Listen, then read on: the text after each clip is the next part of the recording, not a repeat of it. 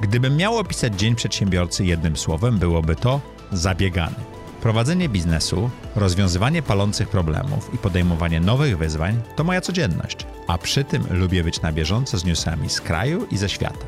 Business Update to codzienny, bezpłatny serwis w formie podcastu i newslettera. To pigułka informacji, które mają wpływ na biznes. Bez zbędnych komentarzy i opinii. Najważniejsze informacje do wysłuchania w drodze do biura. Zasubskrybuj na ulubionej platformie i zacznij dzień z przewagą. Cześć! Inteligentny Inwestor to seria, która nie jest z nami za często, bo znalezienie czasu u Piotrka Żółkiewicza jest trudne, ale to są jedne z najbardziej dla mnie inspirujących rozmów i odcinków, bo zawsze się uczę. Chciałem Ci powiedzieć, Piotrze, e, czego Ci nie mówiłem przed nagraniem, że nasz odcinek o tym, w co inwestować w 2022 roku, był trzecim najlepiej słuchającym się odcinkiem e, w zeszłym roku, więc e, całkiem nieźle. Maćku, dziękuję za ponowne zaproszenie. Miło Cię widzieć w nowym roku, w tym samym studio, co wcześniej, coraz lepiej urządzonym, profesjonalnie już. Ale to y, Piotr zauważył, że obrastamy w sprzęt, więc trzeba troszeczkę powyrzucać rzeczy. A propos wyrzucania rzeczy. Niesamowicie dużo zadziało się od naszego ostatniego nagrania o tym, w co inwestować. Chciałem się ciebie zapytać nie tylko w co inwestować w 2023 roku i o inflację i o te wszystkie rzeczy, których było bardzo dużo w mediach, co z punktu widzenia profesjonalnego inwestora wydarzyło się na rynkach i na świecie i jak te y, rzeczy na siebie wpływały przez ostatni rok. Ta, taka rozmowa, odcinek niekoniecznie e, wyłącznie inwestowaniu, ale E, nowy rok, nowe postanowienia i nowe podsumowania tego, co jest i było. I podsumujmy właśnie, co się wydarzyło, jakie to ma konsekwencje na kolejny rok i kolejne lata. I to, co się najbardziej, szczególnie z punktu widzenia kogoś, kto żyje w Polsce, e, narzuca, no to zmiany na arenie geopolitycznej, bo jednak ostatni rok przyniósł ich... E, Zmiana wartości złotówki skokowa. No akurat na koniec roku złotówka e, do euro raptem o 2% się różni mhm. względem 1 stycznia poprzedniego roku, więc, więc te, tej zmiany ostatecznie nie ma, co też jest oczywiście zaskakujące dla, dla wielu inwestorów, no bo kraj przyfrontowy, wojna za, za granicą, a złotówka do euro w zasadzie w ciągu 2020 roku bez zmian, natomiast z przygodami gdzieś tam po drodze, mhm. szczególnie... E, na dolarze. No tak, szczególnie na, na dolarze, na, na euro też. E, ale to, co jest ciekawe, że mieliśmy kilka dekad spokoju mhm. E, na tej arenie geopolitycznej. Mieliśmy takie mm, uśpione wojny propagandowe między Stanami Zjednoczonymi a Rosją, Stanami Zjednoczonymi a Chinami. Europa gdzieś tam była między młotem a kowadłem i, i musiała trzymać zawsze czyjąś stronę. I też się dzieliła. E, I trzymała oczywiście kilka za e, ogon, czyli robiła to, co było w, w jej interesie, aż nagle e, przyszło boom i, i, i mamy, mamy nowy, nowy, porządek świata. Taki Fukuyama się już zupełnie To, to co wszystkich zaskoczyło, to wiedzieliśmy w, po ostatnich latach, że można skancelować, tak mówiąc potocznie, poszczególne niepokorne osoby, wymazać je z, z uniwersytetów, mhm. z, z różnych aren publicznych, z internetu, natomiast e, pierwszy raz w historii ludzkości ćwiczyliśmy kancelowanie kraju, Rosji w tym wypadku. To jest ciekawe, że skoro... Ale to chyba nie do końca się powiodło. Powiodło się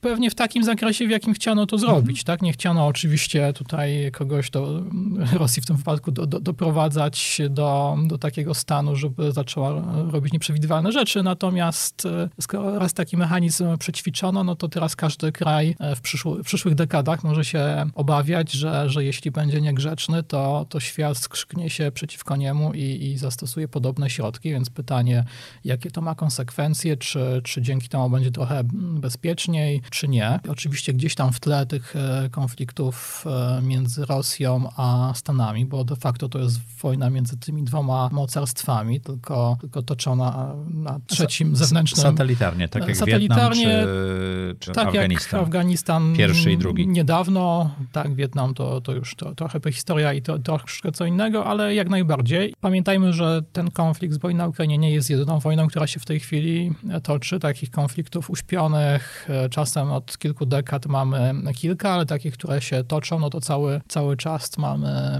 wojnę w Syrii, gdzie jakieś tam też starcia z udziałem Turcji w zasadzie co dwa dni można przeczytać, że, że coś tam się mhm. dzieje. Mamy cały czas wojnę między Palestyną a Izraelem. To jest jakby konflikt, który jest troszkę przez media zaniedbany, ale tam też się bardzo, bardzo dużo dzieje i dużo ludzi ginie. Natomiast to nie jest za naszymi granicami, więc w polskich mediach faktycznie o tym nie, nie przeczytamy. E, te wszystkie to, konflikty rzuciły nowy snop światła na Chiny, potencjalny konflikt na Tajwanie, bo oczywiście ta, ta, ta, ta, ta machina propagandowa, która ma... My jesteśmy po stronie świata zachodniego w Polsce i siłą rzeczy trzymamy z tą propagandą świata zachodniego, że Rosja jest zła, że Chiny są złe i tak dalej. Wiele, wiele e, rozwiniętych krajów azjatyckich e, wcale nie postrzega sytuacji tak jak my, tylko, e, tylko I tu nie mówimy o Chinach. Nie mówimy o Chinach, jak mówimy o różnych rozwiniętych mhm. sąsiadach Chin, o Korei Południowej,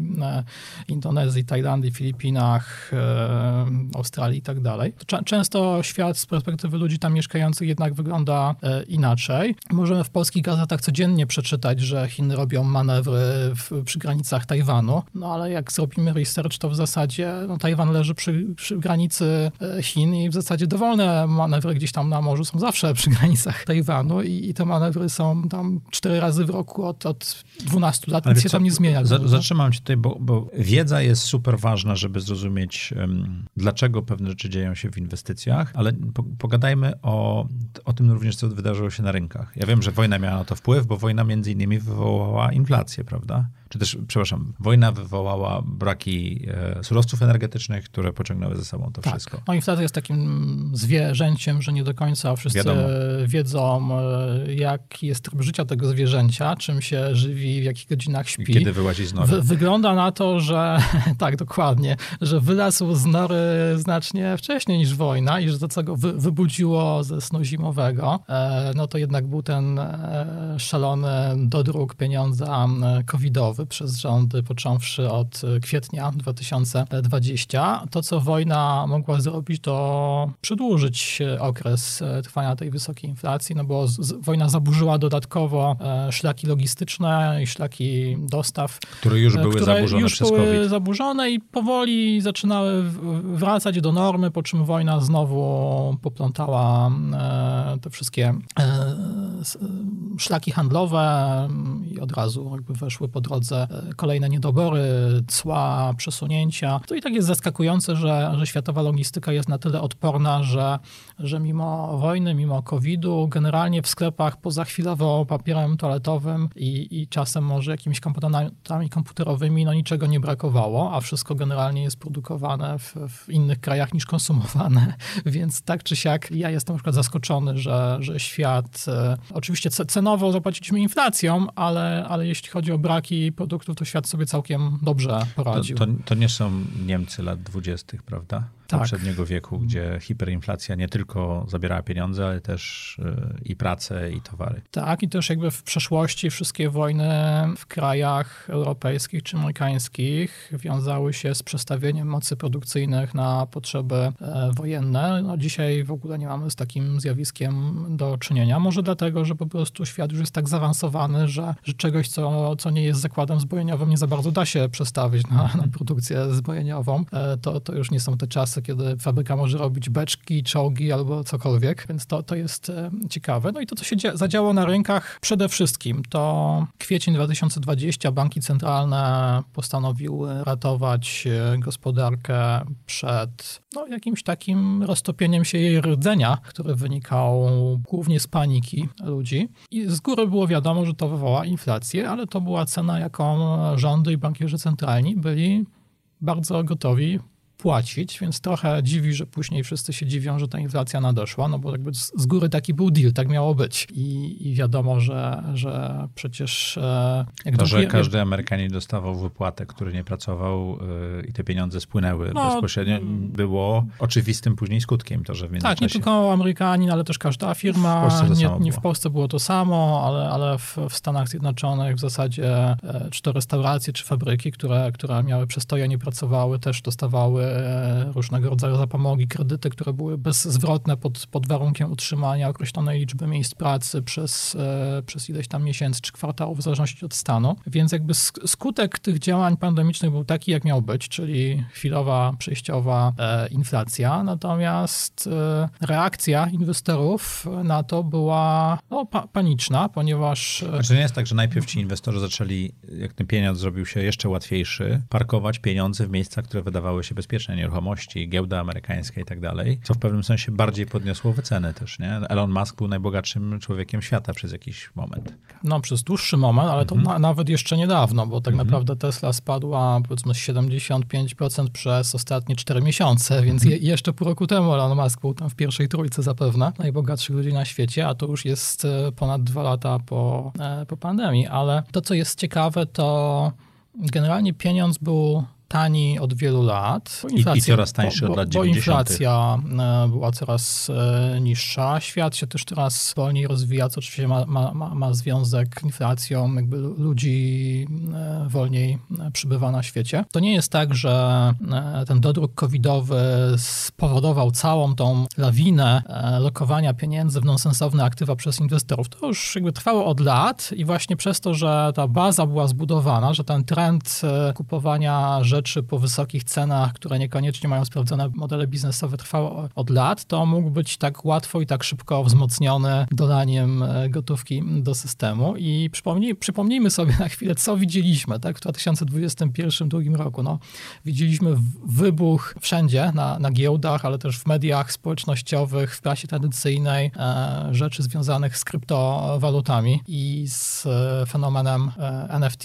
A w tej chwili w zasadzie to jakby w 2024 2023 roku obudziliśmy się w innych czasach. Jak patrzymy na naszych pewnie wspólnych kolegów, znajomych na Twitterze czy LinkedInie, no to wszyscy, którzy mieli w ikon w swoje zdjęcie w postaci NFT, czy tam jakiegoś e, innego obrazka, małpyliska, czegokolwiek, no nagle pozamieniali te ikonki znowu na swoje normalne zdjęcia. To więc jakby było, minęło i pytanie, co się właściwie stało, tak? Jakby ludzie zostali przez rok, dwa opętani, e, no właściwie czym, tak? Bo jakby dzisiaj... Tulipanami. Tulipanami, bo jakby dzisiaj dzisiaj kogoś spytać, o co chodziło w tych NFT i czemu, czemu ludzie płacili tam miliony e, dolarów e, za, za jakieś małpki albo, albo za kamienie, za, za obrazki JPEG z, z kamieniem, z liskiem, z czymkolwiek, setki tysięcy dolarów, to pewnie dzisiaj nawet ci ludzie, którzy to robili, nie do końca byliby nam w stanie wytłumaczyć. Tak, myślę, że, że nie wiedzą. Tak, to po prostu był, był, był jakiś hype i to samo działo się z bardzo e, wieloma spółkami giełdowymi. Zresztą ty jesteś inwestorem w branży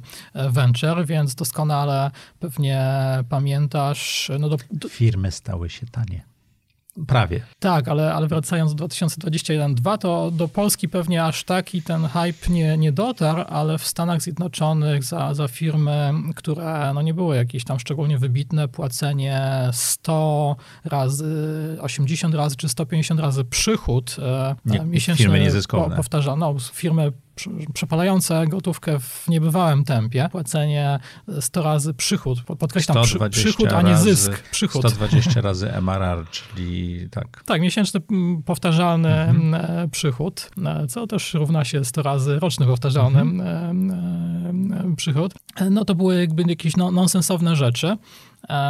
I to, co się stało w 2022, też jest bardzo ciekawe, bo ta bańka prysnęła, natomiast ludzie nie do końca mieli czas myśleć, co jest drogie, a co jest tanie, co... Co jest wartościowe, co, a co, nie jest. Które modele biznesowe mają sens, a które nigdy nie miały i w przyszłości też nie będą. I w zasadzie dużo klas aktywów związanych z e, technologią spadło mm, tyle samo, tak? Czyli zarówno firmy, które są zyskowne i mają e, długi runway przed sobą i modele biznesowe mają sens, są przydatne konsumentom, po zarabiają pieniądze, generują free cash flow, często spadły o 60, 70, 80, 90%, jak i e, firmy, które no zawsze było jakąś bójdą i, e, i nie miały sensu i w tej chwili nikt nie chce już im dać kolejnych transz kapitału i pewnie nie przeżyją, spadły w zasadzie tyle samo. Ale to, to jest nie jest coś tak, ciekawe. że Warren Buffett mówił, że jak jest odpływ, to widać, to bez majtek pływał, tak? Ale niekoniecznie ci, co pływali w majtkach, chwilowo mają dobrą wycenę, tak? Bo odpływ zabrał pieniądze z rynku tak, po prostu.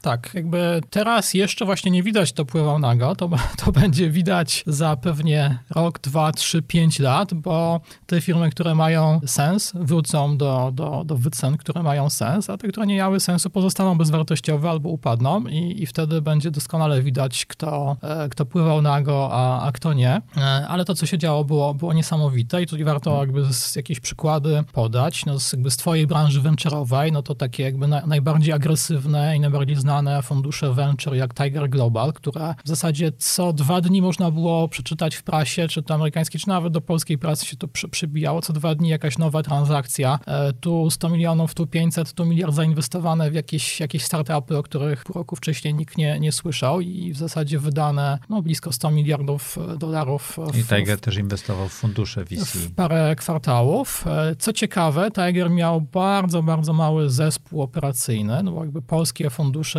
VC często no, mają raptem paręnaście milionów dolarów pod zarządzaniem i, i parę czy paręnaście osób zespołu, a Tiger też miał paręnaście osób w zespole. Cały due diligence, jeśli tak można nazwać, bo w tam, tamtych czasach nikt w zasadzie nie robił due diligence'u, e, był przez Tigera outsourcowany na, na zewnątrz, głównie do firm takich jak McKinsey, ale w szczycie tej bańki McKinsey nie miał już mocy przerobowych i wtedy już do wielu firm zewnętrznych było to outsourcowane, co polegało na tym, że jakiś tam, no powiedzmy, praktykant czy, czy nadzorowany przez associate'a okay. E, miał często nie, nie więcej niż 5 dni e, na zrobienie e, researchu, due diligence'u i analizy jakiejś tam firmy, z którą jeszcze się zazwyczaj nie spotykał fizycznie przez pandemię, tylko tam parę dni na, na Zoomie porozmawiać, zobaczyć jakieś dwie, trzy kartki prognoz dokumentów i to, i to wszystko, tak? Takie były Tiger czasy. zrobił teraz też niesamowitą rzecz jeszcze, bo Tiger inwestował również w fundusze, tak? tak? I wycofał się właśnie z obiecanych rund inwestycji w fundusze startupy, co powoduje, że praktycznie opinia o nim na rynku będzie bardzo długo jeszcze wybrzmiewała. Tak, no te fundusze long only Tigera już tam pewnie do blisko minus 80% się zbliżają, czyli żeby wrócić na stan z 2021 roku, no to musiałyby rosnąć 500% z powrotem. Mhm. Podobnie te giełdowe fundusze, na przykład mocno, bardzo mocno mm, znanej, modnej w 2021 roku e, e, Katie Woods, czyli fundusze z brandu ARK, tak, też tam było pod 40-50 miliardów takich super, super modnych e, spółkach. Tam mamy też już minus 70-80% od, od tego czasu, więc cie, ciekawe czasy. Myślę, że... Obyś żył w ciekawych czasach? Tak, to jest takie prze, przekleństwo chińskie. Podobnież, tak. Podobnież, ale myślę, że, że ci, którzy mają czas i którzy mają trochę wiedzy i trochę odwagi, właśnie w takich czasach, gdzie zostało dziecko z kąpielą wylane, mogą pewnie zrobić swoje najlepsze inwestycje życia. Ja gdzieś tam właśnie mam taki, taki, taki radar, taką listę kilkuset e, spółek, które, które spadły o, o te 90 parę procent i mam je podzielone na te, które nigdy nie miały sensu i wciąż nie mają i na te, które mają i ja bym się zupełnie nie zdziwił, jakby jakiś duży procent, może jedna, czwarta z tych spółek przez kolejne parę lat urosła o 500-700 tysięcy procent, tak? bo to są takie czasy i historycznie też tak to wyglądało, jakby te fundusze e, technologiczne technologiczne czy venture'owe, które zaczynały swoje funkcjonowanie w roku 2008 czy 2009, no to są na, najlepsze kohorty w historii E, no, ale one, zaczą, tak? one zaczęły tuż po tym, jak bańka, zresztą również napompowana przez bank centralny, czyli bańka, to się nazywało dotcom bust, tak? czyli ta bańka internetowa pękła, a tak naprawdę to wynikało z tego, że Stany nie chciały mieć kryzysu, który był w Azji wtedy w 98, 9 roku, tak? czy 7 i 8. Tak, to było w ogóle ciekawe, bo bańka dotcomowa bardziej mi przypomina bańkę kryptowalutową, bo te firmy dotcomowe w tamtych czasach... Diapers.com. E, Diapers, czy ten Webvan, to milion innych tak naprawdę. W zasadzie nie miały przychodów. E, wtedy to, na co się patrzyło, to były tak zwane eyeballs. Technologia tam była prymitywna, tak? Ale to, to były eyeballs, czyli ilość użytkowników. I to było wtedy to, co e, inwestorzy wyceniali najbardziej. Jeśli tam jakiś portal typu... Czyli ilość e, oczu patrzących tak, na firmę. jakiś portal typu Yahoo miał po prostu dużo bardzo czytelników swoich artykułów, ale jeszcze nie, nie wyświetlał im reklamy, w ogóle nie, nie wiedział, jak ich monetyzować i za pocztę nie, nie płacili nic, no to Yahoo przez moment y, To była ciekawa sytuacja, bo w 2000 roku w, Jap w Japonii przez moment brakło na giełdzie podaży na akcjach Yahoo. W sensie nie było w arkuszu zleceń żadnych prawie że akcji wystawionych na sprzedaż i na akcja Yahoo doszła tam do jakichś setek tysięcy dolarów wartości przez moment, tak? Bo już e, nie, nie było sprzedawających, sprzedających, więc to, to już takie absurdy. A z kolei 2021 rok to, to o tyle inna sytuacja, że większość tych e, modnych e, firm i giełdowych, i niegiełdowych, no bo największa bańka była pewnie nawet nie na giełdzie, tylko w, że tak powiem, w części venture e, segment, segmentu inwestycyjnego. Mm, te wszystkie firmy miały przychody, szybko zwiększały przychody, tylko często kupowały te przychody po cenach, które w długim terminie niekoniecznie mają sens. Tak? Nie dawały czyli, zysku. E, czyli teoretycznie gdzieś tam jakieś wyliczenia na chusteczce papieru mówiły, że każdy dolar wydany na pozyskanie użytkownika tam zwraca się po 8, 12 czy 30 kwartałach, ale to nie było takie porządne liczenie, nie uwzględniało wszystkich kosztów e, ogólnych, kosztów e, centrali, kosztów motywacyjnych w postaci programów opartych na akcjach i tak dalej. tego był Facebook i Google, tak? No bo te pieniądze tam w dużej mierze szły. Pewnie beneficjentami był cały ekosystem, jak na przykład no, wszystkie aplikacje dla biznesu, od Slacka począwszy, mhm. poprzez jakby Asanę, poprzez e, rozwiązania mhm. Microsoftu, poprzez e, Azure, AWS, Cloud i tak dalej. To jest tak? ciekawe, tak? bo w 2007, 2008, 2009, czy tam 6, 7, 8 beneficjentami były bardziej firmy hardware'owe. Tak. Cisco, producenci serwerów, bo trzeba było mieć wszystko swoje, a teraz beneficjentami byli dostawcy usług SaaS dla biznesu. Czyli byli tak naprawdę wszyscy duzi, a nie, nie, niekoniecznie duzi, ale wszyscy dotychczasowi e, gracze z rozwiązaniami software dla biznesu, którzy tym, tym nowym e, graczom, którzy przepalają pieniądze funduszy venture, po prostu sprzedawali kilofy podczas e, gorączki złota. A to najlepszy biznes, sprzedawać Te, kilofy. Też, też, też cykliczny, ale, ale lepszy niż, niż, niż szukanie niż złota. kopać złoto w tym brudzie. Tak. O, o złocie dzisiaj nie będzie. Słuchaj, chyba wiemy, co się wydarzyło. Jednej rzeczy nie rozumiem, jeżeli ty rozumiesz, to powiedz, co się działo. Znaczy, rozumiem, co się działo ze złotówką, co się zadziało pod koniec roku, nie zrozumiałem.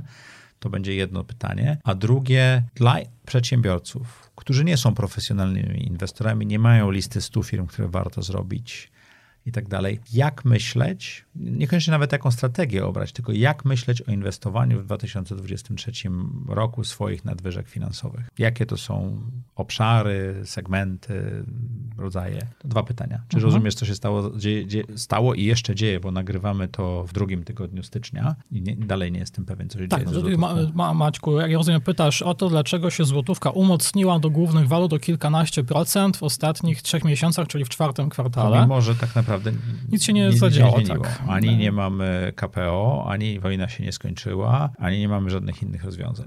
Nie, nie mam wyjaśnienia. Wyjaśnienie jest takie, że generalnie ruchy e, walut e, w krótkim i średnim terminie są w dużej mierze e, losowe, mhm. natomiast w długim terminie ruchy walut czy wartość waluty do innych walut zależy od dwóch rzeczy. Po pierwsze od e, wiarygodności danego kraju i rządu i wiarygodności solidności e, budżetu. I banku centralnego. I banku centralnego. To jest jedna z tych rzeczy, od których zależy kurs walutowy, a druga to jest e, saldo importu i eksportu. Tak? Czyli jeśli jakiś kraj notorycznie przez wiele, wiele lat czy, czy dekad e, zawsze więcej importuje niż eksportuje, bo tak ma ustawioną e, swoją gospodarkę, albo leży w takim niekorzystnym położeniu geograficznym, że, że siłą rzeczy tam na przykład nie ma ani rolnictwa, ani turystyki i też nie, nie wykształcił przemysłu, no to wa waluty takich krajów, które więcej importują niż eksportują, generalnie w długim terminie mają tendencję do osłabiania się i to jakby ma swoje jakieś tam podłoże matematyczne, które można wręcz roz, rozpisać na Czyli kartce i wyliczyć. szwajcarski frank będzie się umacniał w bardzo długim terminie, bo to jest bardzo wiarygodny kraj, który ma bilans handlu zagranicznego dobrze zrobiony. Podobnie na przykład z Australią, tam jest troszeczkę inaczej, ale mają duży eksport. Tak, no Australia eksportuje dużo surowców. surowców, ale też dużo importuje różnych rzeczy, natomiast Szwajcaria jest nietypowa, no bo to jest bardzo mały kraj z e, wykształconymi ludźmi i tam żeby, firmy, żeby się rozwijać, musiały tak naprawdę e, wyjść na, na zewnątrz, nauczyć się innych kultur i nauczyć się dobrze odbierać ten feedback od klientów z różnych krajów, żeby się rozwijać. Polska jest na przykład na tyle dużym rynkiem wewnętrznym, 30 tam kilka milionów ludzi, że tutaj z powodzeniem można sobie rozwijać przez kilka dekad firmę, nie, nie wychodząc na świat, a, a modele biznesowe ambitne powstające w Szwajcarii zawsze musiały tak naprawdę od razu w pierwszych latach swojego funkcjonowania nauczyć się eksportować. No i to, to, to sprawia, że Szwajcaria to, to, jest... To ciekawa lekcja jest przed Wielką Brytanią w takim razie. Taka albo zrobi model szwajcarski, albo będzie miała problemy. No, Wielka Brytania na szczęście też ma jakby duży sporą, rynek. sporą e, liczbę ludności, duży rynek e, wewnętrzny. Szwajcaria jest na, naprawdę malutka, więc Szwajcaria jest troszkę inna. No i ta zasada, o której powiedzieliśmy odnośnie jakby balansu między importem a eksportem też nie do końca tyczy się krajów, które są mocarstwami światowymi z największą armią na świecie, jak na, jak na przykład Stany Zjednoczone, bo Stany Zjednoczone mają jakby od, od, od lat nadwyżkę importu nad e, eksportem, ale to im nie, aż tak bardzo nie przeszkadza. ale mają walutę rezerwową, która im... E, tak, mają walutę rezerwową. Pokazały w ostatnim kryzysie militarnym, że wciąż się liczą i że to one rozdają e, karty. Oczywiście mamy teraz sytuację, że Arabia Saudyjska dogaduje się z Chinami, żeby sprzedaż ropy rozliczać w juanie, co, co będzie jakimś tam dużym ciosem potencjalnym dla dolara. E, dolara. No ale to też jakby dużym ciosem. No to tak jakby nas ktoś powiedzmy skaleczył gdzieś tutaj koło łokcia, tak? Jakby nie, dolar od tego nie, nie umrze, to będzie po prostu jakaś tam oznaka tego, że coś się zmienia w kolejnych dekadach tracimy. powoli, ale to, co z drugiej strony równoważy to, to wszystkim się wydawało, że to mocne zaangażowanie Stanów Stanów Zjednoczonych w wojnie na Ukrainie ma podłoże takie właśnie, no nie wiadomo jakie. Ludzie w Stanach zadawali sobie pytanie, czemu nasz rząd angażuje nasze pieniądze i nasz, e, nasze wojska gdzieś tam, prawda, po drugiej stronie e, globu w wojnie, która nas nie dotyczy. No ale okazało się, że e, rosyjski e, gaz e, i ropa zostały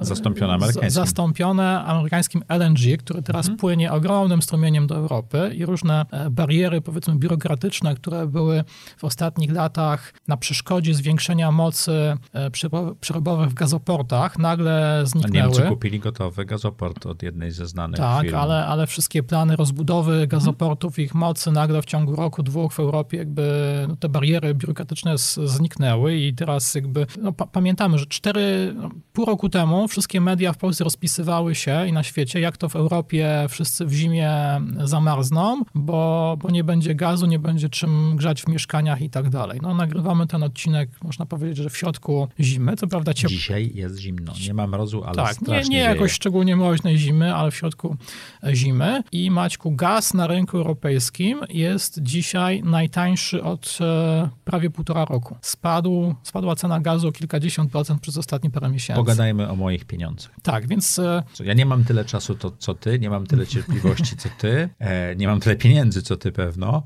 ale też chciałbym je położyć w takie miejsca, żeby ich raczej było więcej niż mniej na koniec tego roku. Tak generalnie bym w to celował. tak, kiedyś robiliśmy już parę kwartałów temu taki przegląd klasy aktywów i możemy do tego wrócić w takiej znacznie skróconej formie, co w zasadzie leży na stole, co jest do wyboru przed przeciętnym przedsiębiorcą, który ma, ma nadwyżki. Obligacje Skarbu jest, Państwa jest, bardzo wysoko oprocentowane. Tak, jest do wyboru zawsze to samo, prawie że. I wybór, do którego ja zawsze się skłaniam jako przedsiębiorca, były i potencjalny i obecny, ale też kolega wielu przedsiębiorców, to jest jeśli masz możliwość, inwestuj w rozwój własnej firmy. Pod warunkiem, że możesz to robić z sensowną, krańcową stopą zwrotu na kapitał. Prawdopodobnie stopa zwrotu będzie dużo większa we własnej firmie niż jakakolwiek inna opcja. Tak, jeśli prowadzisz firmę i możesz zainwestować kolejny milion w, w rozbudowę hali magazynowej, czy kupienie kolejnej maszyny, czy otwarcie oddziału zagranicznego mm, sprzedażowego, czy, czy w cokolwiek. Czyli nie wyciągaj zysków, tylko... To, to zazwyczaj najlepiej jest zrobić to, co się robi do tej pory i co działa i na czym się człowiek zna, czyli inwestowanie czy to w siebie, jeśli w ogóle nie mamy, nie jesteśmy przedsiębiorcą, tylko jesteśmy Kowalskim, to wtedy inwestowanie we własną edukację i naukę zawsze ma najwyższą stopę zwrotu. A jeśli jesteśmy przedsiębiorcą, to zazwyczaj najlepiej jest inwestować we własną firmę, tylko tutaj jest haczyk, pytajnik. Tym haczykiem jest to, że oczywiście nie należy tego robić bezmyślnie i na siłę budować jakby kolejnej hali, kolejnego oddziału, tylko trzeba wyliczyć, jaką krańcową stopę zwrotu taka inwestycja nam daje. E, jeśli to będzie przynajmniej jakieś tam duże kilkanaście procent, nie wiem, 15, 17, 20 bądź więcej, no to pe pewnie, pewnie to jest najlepsza opcja. Jeśli to będzie mniej niż 10, no to pewnie takiego ryzyka e, biznesowego nie ma co ponosić. Tym bardziej, że to dobro będzie dla naszej firmy też pracowało dość długo, prawda? Jeżeli mówimy o hali magazynowej czy oddziale we Francji, który właśnie z sukcesem otworzymy, tak? Tak, i to, to pewnie jest jakby pierwszy priorytet, a, a, a pozostałe rzeczy to są rzeczy, gdzie możemy już takie zbędne, nazwijmy to zbędne nadwyżki finansowe e, lokować. I tutaj Jak mamy... macie zbędne nadwyżki finansowe, to dajcie znać, wyślę wam numer konta. I tutaj mamy do wyboru to, co zazwyczaj, tych z aktywów i zazwyczaj mamy do wyboru nieruchomości. E, I tutaj w Polsce mamy troszkę nietypową e, sytuację, no bo i ja i ty znamy bardzo dużo przedsiębiorców, którzy mają nadwyżki i rozmawiamy z nimi i ci przedsiębiorcy, którzy w ostatnich 5-10 latach sobie tam co pół roku, co rok kupowali jakąś nieruchomość, jakieś kolejne mieszkanie na wynajem i tak dalej, bardzo się przestraszyli konfliktu za naszymi granicami, a w lutym... No bo nieruchomości nie są płynne. A 24 lutego ludzie, którzy mieli nieruchomości prawda, w Warszawie, Krakowie, Lublinie i tak dalej, to się zastanawiali, czy, czy tutaj zaraz jakby czołgi nie będą stały pod ich e, budynkami wręcz. A pustostanów teraz brak. Plus mamy w Polsce jednak coraz mniej korzystne dla właścicieli nieruchomości przepisy chroniące ich związane z najmem. Tak? Jeśli trafimy na nieuczciwego i sprytnego najemcę, to w zasadzie nie mamy legalnych możliwości pozbycia się go z lokalu przez bardzo wiele lat. To się robi problematyczne, tak jak w Hiszpanii jest to zjawisko ocupados, e, czyli jeśli przez tam chyba 24 godziny nas nie ma, a ktoś zajmie nasz, nasze mieszkanie w tym czasie, no, no to w zasadzie już jest jego i nie ma możliwości wygonić kogoś takiego z, z, z lokalu. Więc sytuacja na polskim rynku nieruchomości troszkę się zmieniła z, z powodu wojny, bo wielu bogatych ludzi postanowiło sobie w ostatnim roku, że kolejnych nieruchomości w Polsce już nie kupią, tylko jeśli będą kupowali kolejne, to będą dorobili za granicą. Więc jakby duża część tak, takiego popytu e, inwestycyjnego. cyklicznego, inwestycyjnego, który był powtarzającym się popytem, no nagle została przekierowana na rynki mm, zagraniczne bądź na inne klasy aktywów. I w Polsce jednak duża część popytu na, na mieszkania była popytem takim spekulacyjnym, inwestycyjnym, czyli rosło, to wszyscy kupowali dlatego, że rośnie, nie e, powtarzając tą mantrę, że brakuje trzech mamy wielu przedsiębiorców, tak którzy tak. mają e, firemki w porównaniu z ich firmami, których mają kilkanaście, kilkadziesiąt, e, a znamy też paru, którzy mają powyżej 100 mieszkań i zarządzają tym jak firmą od wynajmowania też tak, mieszkań. Też tak? tak można e, robić.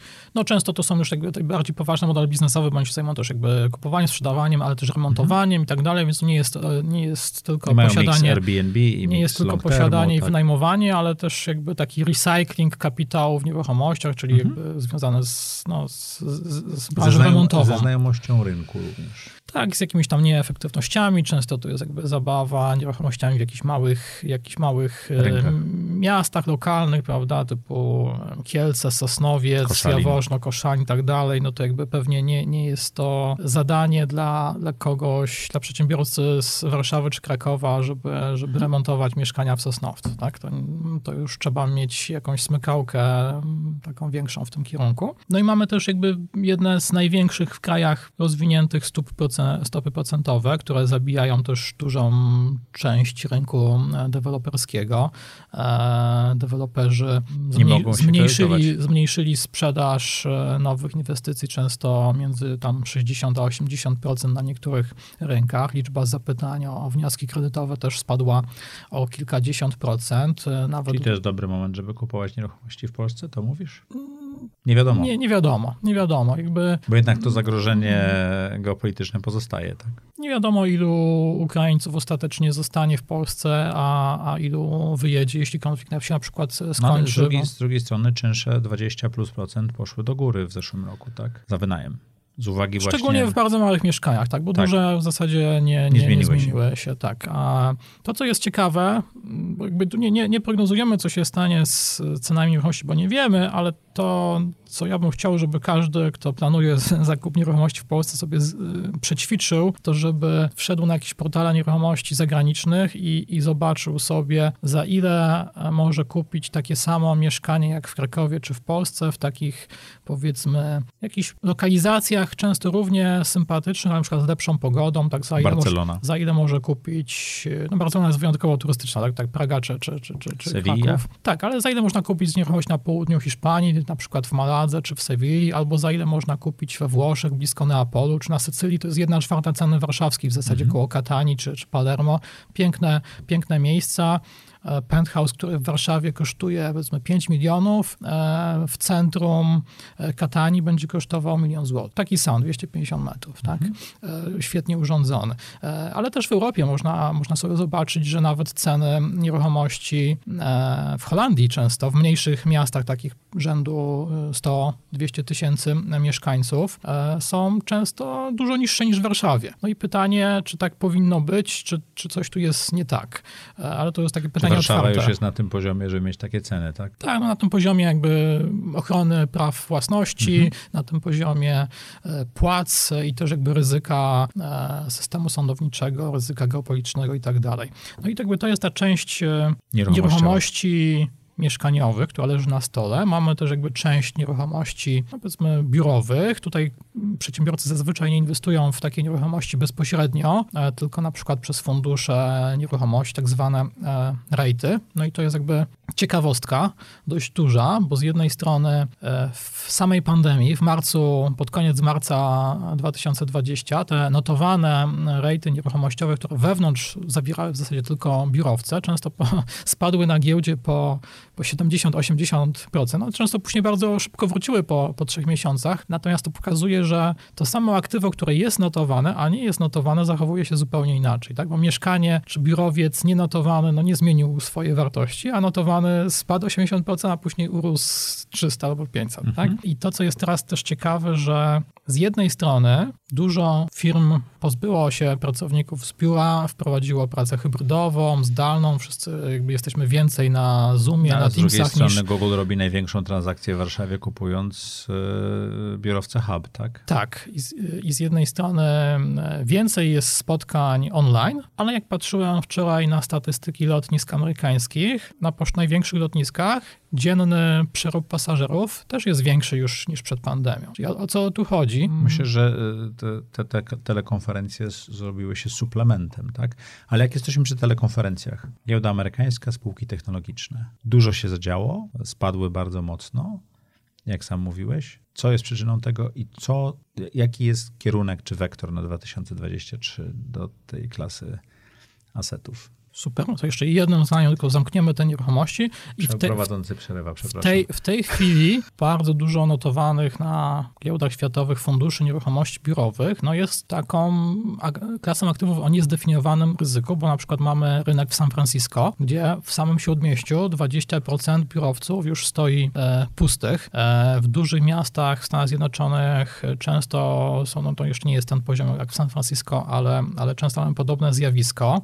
To są często budynki niezbyt nowe, które ciężko jest przerobić na jakąś e, inną działalność typu, typu mieszkaniową. Czy hotelowo. E, ostatecznie prędzej czy później e, klucze od takich biurowców dostaną banki i nie będą miały co z nimi zrobić i to będą pewnie dziesiątki czy setki miliardów toksycznych aktywów na bilansach banków, więc nieruchomości biurowe pewnie są klasą aktywów teraz dość e, ryzykowną, bądź o nieustalonym ryzyku. Ale raczej nie w Polsce. No, ma- w Polsce to nie, nie mamy, mamy takiej penetracji. Nie mamy takiej klasy aktywów w Polsce, jak jakieś powszechne Mhm. rejty. mm, Nie ma rejtów, ta ustawa nie przeszła. Tak, to są takie quasi-rejty, ale Mhm. generalnie biurowce w, w Polsce cię, ciężko jest e, kupić w nich udział, jeśli nawet się Mhm. e, e, chce. Więc ostatecznie pewnie będzie tak, że takie prime asset, czyli naj, najlepsze, najnowsze centra handlowe czy biurowce w danym mieście, te, które faktycznie się jakoś wyróżniają, wszyscy je kojarzą, bo mają świetny adres, świetną bryłę i są nowoczesne. One sobie pewnie doskonale poradzą i będą jakby w 100% wynajęte, ale jakieś takie klasy B, C, gdzieś tam parę kilometrów od śródmieścia 20 będą miały problem, więc to będzie bardzo, bardzo niejednorodna klasa aktywów. Idąc dalej mm, do kolejnej klasy aktywów, czyli spółek technologicznych, no to tutaj mamy, mamy masakrę na, na, na rynkach. Masakra to jest mało powiedziane. Tak. No i... Ja poczułem się y, biedniejszy. No ja też się poczułem biedniejszy. E, tutaj z jednej strony te wszystkie firmy, które w ostatnich latach zebrały mnóstwo, mnóstwo pieniędzy od funduszy venture i weszły na giełdę, bądź jeszcze pozostały poza giełdą i nie miały sensu i nie miały y, jako modele biznesowe, miały dziwne wyceny. No ja myślę, że dużo z nich nie, nie przetrwa. Myślę, że dużo z nich nigdy nie, nie wróci, nawet jeśli przetrwa, to nigdy nie wróci do takich wycen, jakie miały. No jest ta gru druga grupa spółek, które były zyskowne, które ma, ma, mają sens, ich wyceny spadły w zasadzie tyle samo i to jest jakby pewnie klasa aktywów, gdzie można e, bardzo dużo zarobić przez kolejne kilka lat, pewnie nawet nie w dziesiątkach, tylko w setkach procent, no ale to też nie jest, nie jest taka klasa aktywów, gdzie będąc przedsiębiorcą w Polsce możemy tam sobie coś po prostu samodzielnie po, powybierać, bo, bo to zajmuje jednak dużo czasu i wymaga jakichś kompetencji, tak? Kolejna klasa aktywów bardzo popularna wśród różnej wielkości przedsiębiorców w Polsce dwa lata temu, e, e, krypto. Wszyscy chcieli mieć jakąś często małą ekspozycję na krypto, tak? Bo jakby nie, nie, nie wiedzieli do końca o co w tym chodzi, ale pociąg odjeżdżał, więc tam 1, 2, 5, 10% portfela ludzie e, alokowali e, w tą klasę aktywów. No ja jej nie rozumiałem i nie rozumiem wciąż, więc nie mam zdania. Myślę, że to jednak bardziej tulipany niż, niż klasa aktywów. Jakieś kryptowaluty na pewno przetrwają jako, jako jakiś nośnik wartości, e, czy to będzie... Jest cały szary rynek i czarny rynek, który się nimi posługuje, więc one e, też mają sens. Tak, tak ja myślę, że nawet nie tyle ten szary, czarny czy, czy, czy nielegalny półświatek jest tutaj największym potencjalnym użytkownikiem, ale ludzie z kraju, normalni ludzie, kowalscy, Takich jak z, Wenezuela, z krajów, które mają problemy śmieciową zupełnie walutę mhm. i problemy na szczeblu politycznym. Mhm. I takich krajów paradoksalnie e, jest na świecie bardzo e, dużo i jak się poczyta jakieś ankiety, jaki procent Polaków, czy Brytyjczyków, czy Amerykanów w ciągu ostatnich trzech lat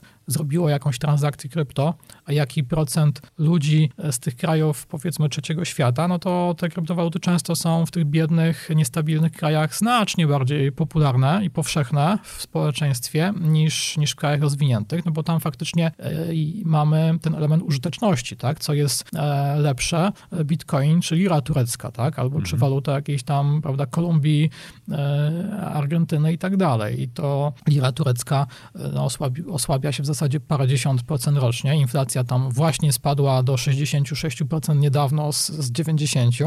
Prezydent Turcji ma taką teorię, że inflację trzeba zwalczać niskimi stopami procentowymi i za każdym razem, jak tam członek banku centralnego się wychyla i je podnosi, no to zostaje odwoływany dość szybko. Więc e, paradoksalnie kryptowaluty w takich krajach mają swoją jakąś użyteczność. Natomiast ostatecznie pewnie e, no nie 8 czy 12 tysięcy kryptowalut e, jako nośnik wartości będzie funkcjonowało, tylko jedna, dwie, pięć czy, czy, czy, czy, czy, czy kilkanaście. No a te wszystkie coiny, które miały mieć jakąś swoją specyficzną użyteczność, no, czy tokeny? tokeny. Pytanie, czy będą e, miały. Na pewno technologia blockchain ma ogromną, ogromny potencjał. E, czy powstaną organizacje typu stowarzyszenia, fundacje czy spółki e, takie budowane na, na tokenach i samo zarządzalne typu DAO i czy, czy tutaj będzie będzie to popularne, czy nie, ciężko powiedzieć. W zasadzie mamy co roku w Lizbonie taki zjazd, e, który chyba właśnie w tym tygodniu się e,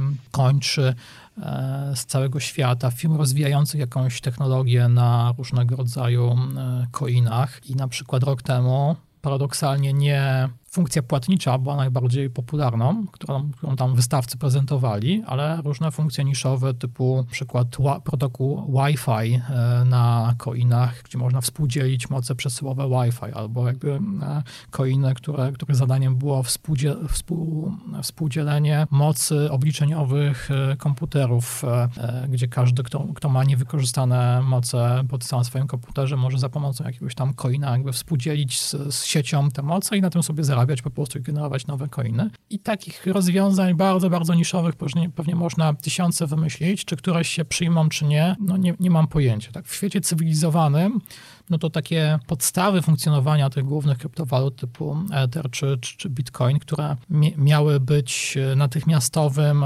bezkosztowym przesyłaniem pieniędzy, no trochę się póki co nie, nie sprawdziły, no bo w Polsce między bankami możemy sobie w zasadzie za, za darmo czy za, za 5 zł przesłać jakby duże kwoty w, w 3 godziny.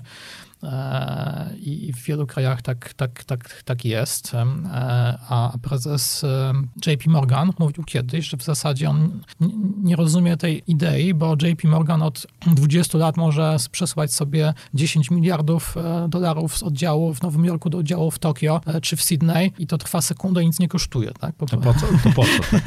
To jest rozwiązywanie problemu, który nie istniał. Tak, tak więc on tego nie, nie rozumiał. Później akurat faktycznie no, na, nawet taki bank jak jak JP Morgan i, e, i taki genialny prezes jak, jak Diamond ulegli jednak presji e, kryptowalut na moment. No ale tak. jest taki moment, kiedy nie wiesz, czy być może nie masz racji. Tak, ale teraz, teraz się ponownie wycofali. Tak. tak. Więc no to jest taka klasa tutaj pewnie w tej chwili dla ludzi lubiących e, ryzyko, ciekawostki i, i adrenalinę. A kruszce? Kruszce są klasów, klasą aktywów, gdzie się za wiele przez dekady nie dzieje i to, to o czym warto pamiętać, że wszystkie kruszce, no to ja rozumiem, że większość ludzi akurat no nie, mówiąc kruszce, nie ma na myśli metali nie, nieszlachetnych, tak? Bo mało, mało kto tak. lokuje prawda, pieniądze w miedź czy, czy, czy w stal e, poza spekulantami, a te podstawowe kruszce typu e, złoto czy srebro, no można powiedzieć, że w pewnym stopniu się nie sprawdziły, bo przez ostatnie kilka dekad idea ludzi, którzy lokowali pieniądze w złoto, była taka, że e, pieniądz drukowany przez banki centralne traci na wartości. I, i tak że, było. I, I tak, tak było, stało. i tak jest, i tak pewnie będzie. E, natomiast złoto miało chronić przed tą inflacją. No i inflacja wybuchła, a złoto nie uchroniło przed, e, przed inflacją i w zasadzie jest tam, gdzie było 10 lat temu. Mm, więc ta... Tam, gdzie było 10 lat temu, ale to był 10 lat temu, to był zupełnie inny pieniądz też. Tak. Bo inflacja zjadła wartość tego pieniądza, tak? Tak, więc można powiedzieć, że, że, że, jest, no tak, no, oczywiście wartości nabywczej to złoto przyniosło dużą stratę przez ostatnie 10 lat e, inwestorom, no ale to, co jest najciekawsze, że jakby totalnie zaprzeczyło tej tezie inwestycyjnej, która była główną tezą związaną ze złotem, tak, czyli że ono chroni przed, e, przed inflacją. Dlaczego tak jest? To Przyznam, że nie wiem, nikt nie wie. Ja się zastanawiam, czy, czy to nie jest troszkę zmiana taka wynikająca z zastępowania pokoleń. I to jak zawsze było tak, że kolejne pokolenia ludzi e, za młodu e, były liberalne, ale jak ludzie dojrzewali tam do 40, 50, 60, to stawali się jakby z natury konserwatywni. Wszystkie badania takie społeczne, które widziałem w ostatnich mm, czasach, pokazują, że to pokolenie milenialsów i jeszcze mm, dwa, trzy pokolenia młodsze jednak e, no, nie staje się e, znacznie bardziej konserwatywne wraz z dorastaniem. Więc pytanie, czy e, kruszce takie jak złoto utrzymają swój blask, czy dzisiejszych dwudziestolatków za 20 lat ktoś będzie w stanie przekonać do złota, czy oni... Może oni mają już lepsze zrozumienie. Tych, czy, czy oni będą chcieli właśnie w coś opartego na, na tokenach, akcjach y, Tesli albo czegoś innego inwestować. Nie będą w ogóle zważali na, na zmienność, y, na, na inne rzeczy. No, nie wiemy tego, ale ewidentnie złoto, jakiś taki społeczno-kulturowy blask u młodych ludzi, dwudziestoparoletnich wchodzących w, w, na rynek pracy, zarabiających pierwsze pieniądze, no traci, tak? I, i oni nie lokują w koszty pieniędzy. Ostatnia grupa, którą chciałem cię zapytać, a potem jeszcze jedno pytanie. Giełda Polska czy też warszawska. Tak, giełda warszawska jest e, bardzo specyficznym rynkiem. Bo jest malutkim rynkiem. Bo jest malutkim, co prawda nie tak malutkim jak niektóre inne rynki, bo ostatnio giełda warszawska e, domknęła transakcję zakupu giełdy w Armenii. bodajże w Armenii tak, i za, za dwie trzecie, za ostatnie 66% e, akcji giełdy armeńskiej zapłaciła 10 milionów złotych. Tak? Czyli to, to, już, to są jakby już tak miniaturowe rzeczy, że, że pewnie jakiś tam większy spożywczak e, no jest więcej wart. Tak? Giełda w Armenii była warta 15 milionów złotych tam w zaokrągleniu. No to pewnie tyle, co jakaś tam duża stacja benzynowa w Warszawie. Tak? Mhm. I giełda polska, no oczywiście jest e, też mała, nie tak mała jak w Armenii, ale bardzo mała, bo pewnie kapitalizacja Apple'a jest wielokrotnie większa niż kapitalizacja wszystkich 400 kilkudziesięciu spółek notowanych w Polsce i obroty dzienne na Apple'u pewnie też są większe niż obroty z bardzo wielu dni bądź tygodni na giełdzie w Polsce. I jest to giełda, w kraju, który odpowiada za 0,6% światowego PKB. Teraz jest tak, że w każdym kraju istnieje coś takiego, co się nazywa skrzywienie lokalne inwestorów, czyli że inwestorzy, e, dlatego że znają dany kraj, dany język, daną giełdę, to lokują często bardzo dużą część e, swojego majątku na lokalnej e, giełdzie, mimo że nie ma to uzasadnienia, jeśli zobaczymy, jak działa gospodarka światowa. I to, co jest bardzo ważne, aby wiedzieć, myśląc o giełdzie w Polsce, Polsce, to to, że e, większ, największe spółki odpowiadające za lwią część głównych indeksów giełdowych, w tym kilkadziesiąt procent WIG-20, są spółkami kontrolowanymi przez e, Skarb Państwa, bądź bezpośrednio, czyli Skarb Państwa ma więcej niż 50%, bądź pośrednio, bo w praktyce, jeśli Skarb Państwa ma gdzieś 20, 30, 33%, no to też kontroluje w zasadzie w pełni w praktyce mm, taką spółkę. I patrząc na to, co robi w tej chwili Skarb Państwa, niekoniecznie podejmują rynkowe decyzje. Tak, no, prze, przedstawiciele Ministerstwa, Ministerstwa Aktywów Państwowych wielokrotnie w ostatnich latach wyrażali opinię, że te spółki mają różnego rodzaju misje, mają też jakby misję społeczną, mają też misję budżetową związaną z uzupełnianiem braków w budżecie państwa, gdzie chyba taką... To podatek na KGHM był chyba najbardziej ewidentny. Czy na Enerdze były transakcje, których e, jedynym celem było wygenerowanie wpływów podatkowych i nie miały innego jakby biznesowego czy operacyjnego celu, więc e, no, trzeba po prostu pamiętać, inwestując w Polsce, że największe spółki odpowiadające za dużą część indeksów są tego typu spółkami. Oczywiście one są często wycenione proporcjonalnie do, do, do, do ryzyka, do, do ich jakości i często te spółki są notowane za 2, 3, 4, 5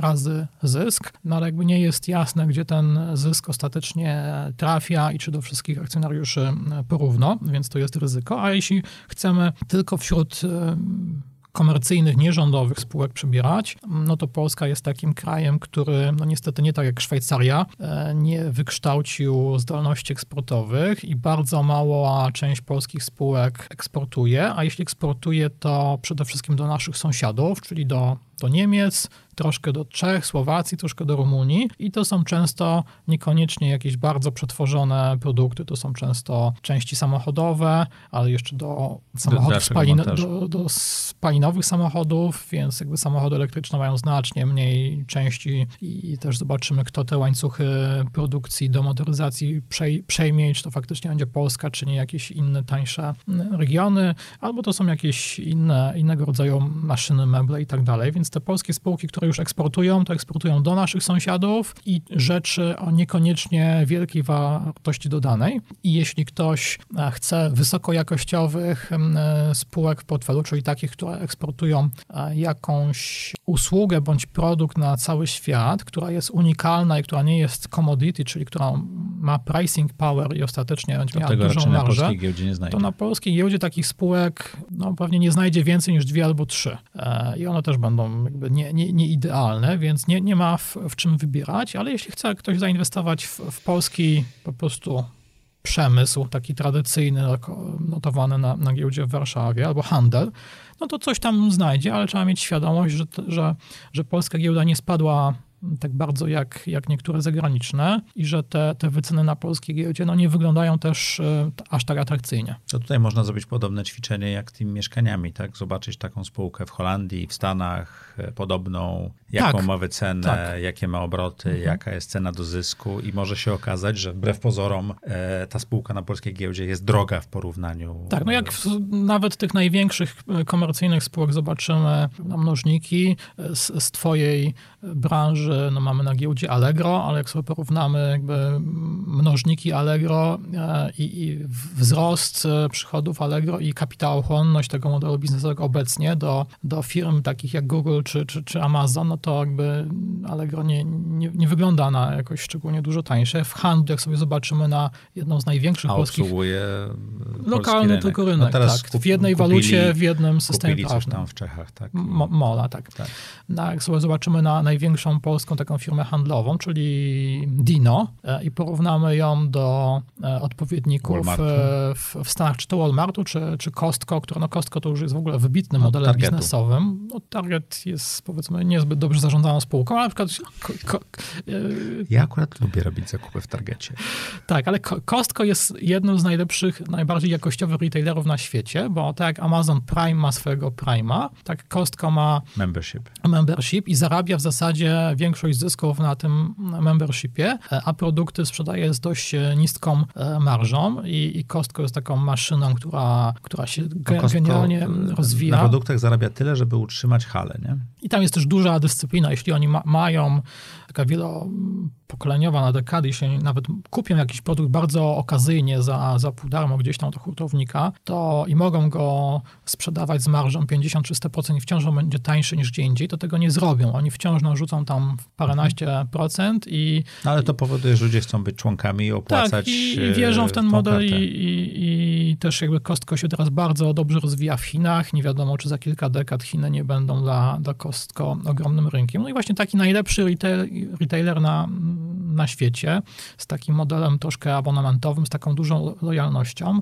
no też nie wygląda na e, drożej wyceniany niż jakieś Dino. warszawskie Dino, tak? Więc jakby porównujmy sobie po prostu te spółki w Polsce do spółek podobnych w Stanach, w Chinach, w innych krajach i zastanówmy się, czy, czy są warte tej ceny. To żeby spełnić, omówiliśmy wszystko, co się dzieje. Rynek jest bardzo ciekawy, żeby spełnić tę obietnicę, że będziemy mówili o tym, w co i jak inwestować w 2023 roku. Nie mamy szklanej kuli, ale co może się wydarzyć pozytywnego i co może wydarzyć się e, negatywnego przez te e, 12 miesięcy, które jest przed nami, co wpłynie na nasze rzeczy. Ja nie mówię, żebyś przewidywał przeszłość, bo nie tego oczekuję, ale żebyś e, dał nam scenariusze, żebyśmy mogli lepiej je zrozumieć. Tak, to, to tak. Co wpłynie na nas jako inwestorów i na nasz majątek. Tak jak sami powiedzieliśmy, czujemy się nieco biedniejsi z uwagi na nasze inwestycje w technologię. Powoli zamykając naszą rozmowę i podsumowując, powiedziałbym tak, że to, co chciałbym zrobić, to nie wskazywać na konkretne klasy aktywów, które najlepiej w ciągu roku czy dwóch Nie, tego nie chciałem, tak, tylko- ale e, zwrócić uwagę na pewne czynniki, które, nad którymi się trzeba zastanowić, dokonując jakiejkolwiek inwestycji i to, czego ja się tak prywatnie obawiam, jako ktoś, kto jakby większość roku spędza w Polsce i jest obywatelem polskim, że inflacja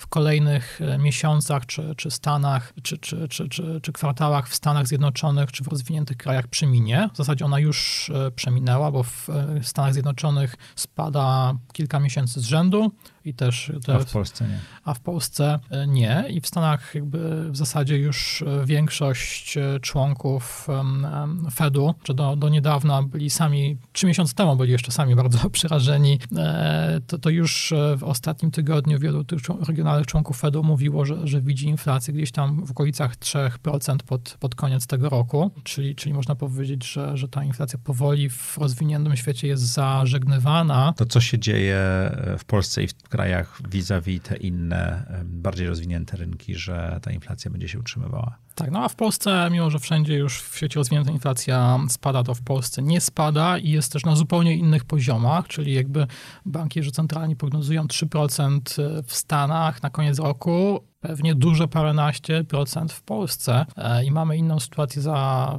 geopolityczną, wojenną wojnę za granicą, ale mamy też inną sytuację budżetową, mamy swoją swoją lokalną walutę, co też jest jakby inną sytuacją od strefy euro czy, czy Stanów Zjednoczonych. E, mamy inną równowagę eksportu i importu i niestety narzuty na pracę, czy na przykład pensja minimalna, czy, czy opodatkowanie pracy tak bardzo wzrosły w Polsce, że e, bardzo wielu firmom, które czy to do tej pory produkowały coś w Polsce na eksport, no już przestaje się to opłacać. Ale mamy trochę model grecki, że inflacją przed euro, tak, że inflacją ucie, uciekamy przed tymi podwyżkami. Tak? Mamy, mamy zbliżające się... Polacy tak. wydaje się, że no, nominalnie zarabiają więcej, mhm. ale wartość tych zarobków się nie zmienia albo wręcz spada. No i mamy inną stację taką polityczną, czyli mamy dość blisko wybory, w wielu krajach przed wyborami jest pewnego rodzaju ustawnictwo, więc ja obawiam się tego, że te kraje, które już są na takiej ścieżce turecko-argentyńskiej, że bardzo ciężko z niej zejść, bo to jest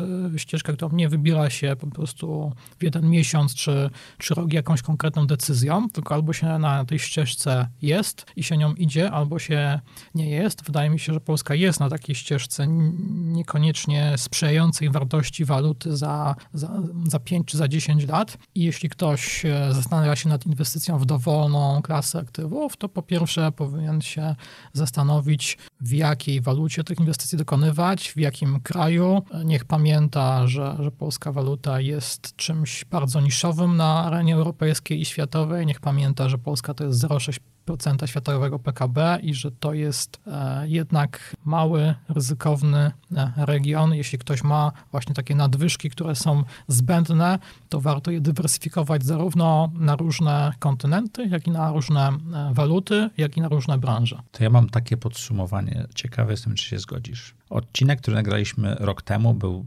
bardziej optymistyczny, powiedziałbym, że nawet bardzo optymistyczny, a rynki nas mocno skorygowały. Ten był bardzo realistyczny. Nie powiedziałbym, że pesymistyczny, ale optymizmem z niego nie wiało. Mam nadzieję, że również rynki nas skorygują. To jest też tak, że mamy e, za sobą wszyscy prowadzący słuchacze i, i cały świat trzy lata, e, które ludzi na wszelkie sposoby wymęczyły, tak? Bo mhm. mieliśmy wojnę, mieliśmy inflację, mieliśmy pandemię, e, mieliśmy zaburzone szlaki dostaw i w zasadzie jak w tych memach na początku każdego roku każdy się tam boi zajrzeć, co będzie w następnym roku i miotłą otwiera drzwi z daleka, żeby zobaczyć, co tam za tymi drzwiami jest. No, trzy lata mogą ludzi na świecie świecie e, wymęczyć. Każdy, każdy pewnie marzy, żeby znowu było tak spokojnie jak w roku 17, 18 czy 19, żeby na, na świecie już żadnych wojen, innych zawirowań nie było. I to pewnie wpływa jakoś na humory, na nastroje inwestorów i wszystkim I życzę... Na ten odcinek. I, I, wszystkim życzę tego, żeby, e, żeby kolejne lata były spokojniejsze niż trzy ostatnie. Dajcie znać, co myślicie o tym odcinku. Dajcie znać, jakie macie strategie inwestycyjne i Zobaczmy, jak ten odcinek poradzi sobie z próbą czasu. Zobaczmy. Dzięki za rozmowę, Maćku.